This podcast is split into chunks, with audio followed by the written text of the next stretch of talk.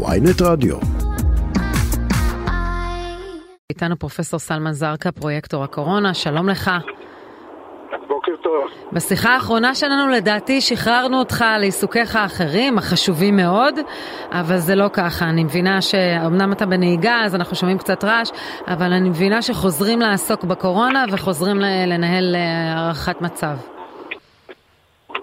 האמת לא, לא הפסקנו, אני תכף אעצור שישמע יותר טוב. לא כן, הפסקנו נשמח. לעסוק בקורונה, המשכנו להחזיק כמה אצבעות על ההגה, ול- כולל הערכות מצב למה שקורה בארץ ולמה שמתפתח בעולם. וכרגע לצערי הרב יש עלייה בתחלואה בישראל, שקדמה לנו עלייה באירופה, בבריטניה, במקומות שונים. ש- שהעלייה היא אה, הציבור- של שפעת וקורונה במקביל, נכון? אז אה, מה שקרה באירופה אה, סביב אה, תחילת אוקטובר הייתה עלייה רק של הקורונה, השפעת לא הגיעה. כרגע מתחילים לראות עלייה גם של קורונה וגם של שפעת, כך שאירופה מקבלת גל נוסף יותר מאיתנו, אולי בזה אנחנו זכינו.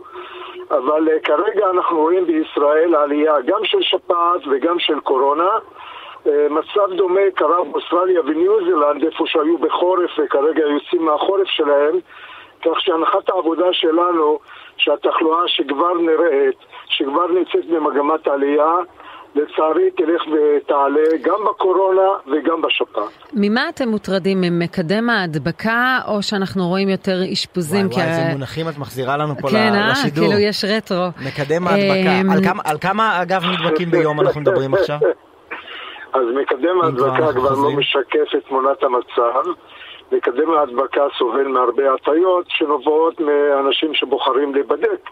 אתם יודעים, היום אין חובה להיבדק, כן. ובעיקר נבדקים אנשים שיש להם סימפטומים או אנשים אז בסיכון, זה- כן. שאנחנו או, מאוד או מאוד בגלל רואים ימי עבודה. להיבדק. כלומר, אתם מניחים שזה הרבה יותר גבוה. אנחנו רואים את קצה הקרחון, אבל uh, יותר חשוב זה החולים הקשים, כי שם הנחת העבודה שאנחנו רואים את הכל, שחולה כן. קשה לא נשאר בבית. אז אם הכרנו ימים של שלושה, חמישה. חולים קשים ביום, אנחנו עכשיו רואים 20 חולים קשים ביום שמגיעים לבית החולים. 20 חדשים כל יום.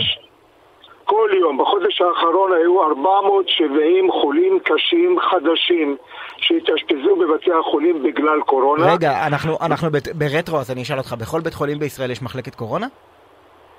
לא, אנחנו בעידן אחר, אנחנו בעידן שלא צריך מחלקת קורונה נפרדת. אז איפה אתה מאשפז חולים קשים?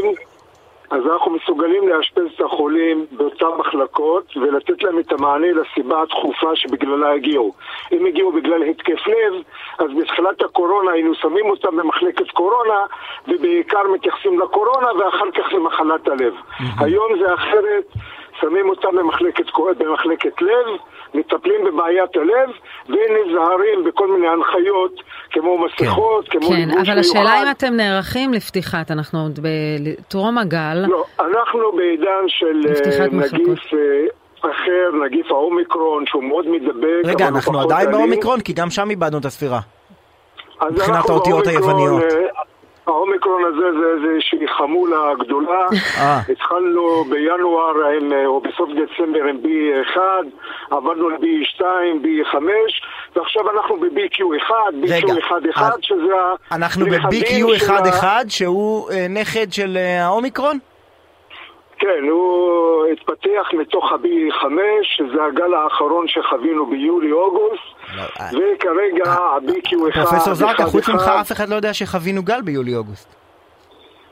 אני. שמח על כך, אה, כל מערכת הבריאות יודעת, אה, הציבור שלא חווה את הגל אה, טייל והיה בחופש ומצוין שכך, אבל מערכת הבריאות המשיכה לעמוד על המשמר וטיפלה בהרבה חולים ביולי-אוגוסט עקב גל של B5, אבל שוב אנחנו מדברים על הגלים ומדברים על התחלואה, חשוב להזהיר את הציבור כי יש מה לעשות. כן, אז זה זהו, השאלה אם החולים. הקשים הם ברובם אנשים שלא חוסנו במהלכי החיסונים. אז אמרתי 470 חולים בחודש האחרון, 97 אחוז, או שלא חסנו בכלל, או שהחיסון איננו בתוקף. כן. אנחנו כבר בעידן... מה זה איננו בתוקף? האם אני אם אני לקראת- חוסנתי לקראת החורף עד האחרון, הרי הם הבוסטר... קראו לכולם לבוא להתחסן בחיסון לא, שפעת אז וחיסון זו השאלה. שלי, האם הבוסטר מספיק, או ב- גם החיסון האחרון של האומיקרון אתה מתכוון לכיסוי מלא?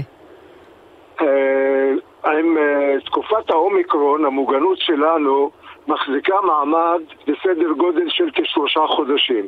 אם נדבקנו לפני שלושה חודשים ויותר, או שקיבלנו מנת חיסון ועברו יותר משלושה חודשים, מידת ההגנה שלנו איננה מספקת. ולכן צריך להטעין אותה מחדש כמו שמטעינים את סוללת הפול... הפלאפון. הטענה מחדש, יש חיסון חדש, נמצא בקופות החולים, מותאם לזני האומיקרון.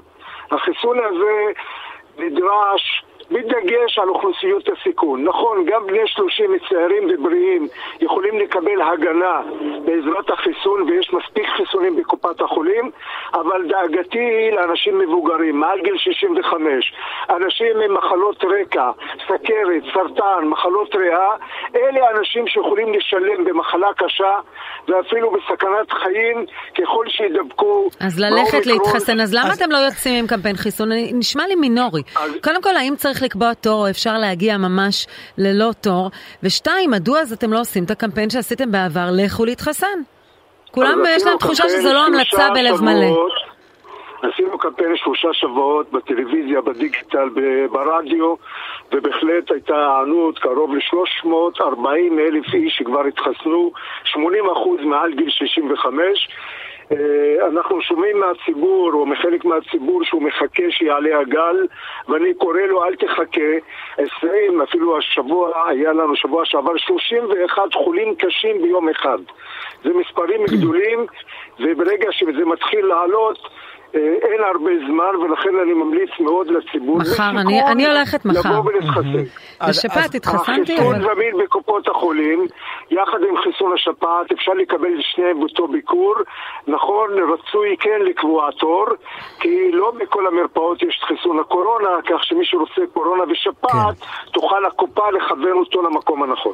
פרופסור סלמן זרקא, הפרויקטור הקורונה, המסקנה היא שמי ששומע אותנו והוא אה, חולה באחת המחלות שהזכרת, או אה, אדם מבוגר, או שההורים שלו מבוגרים, מישהו בקרבתו, או רוצה פשוט להגן על עצמו, אה, שילך ויקבע לעצמו תור לפני שידבק. וכיוון שאנחנו לקראת חנוכה ולקראת ה Christmas, בטח חגים שיש בזה הרבה התכנסויות משפחתיות ומפגשים עם הסבא והסבתא, אז אני קורא גם לצעירים לדאוג לסבא ולסבתא, לעזור להם, לקחת אותם להתחסן, לדבר איתם. כולנו כרגע באחריות אישית, אבל חשוב שנשמור על המבוגרים שלנו. פרופסור סלמן זרקה, תודה רבה. כל טוב.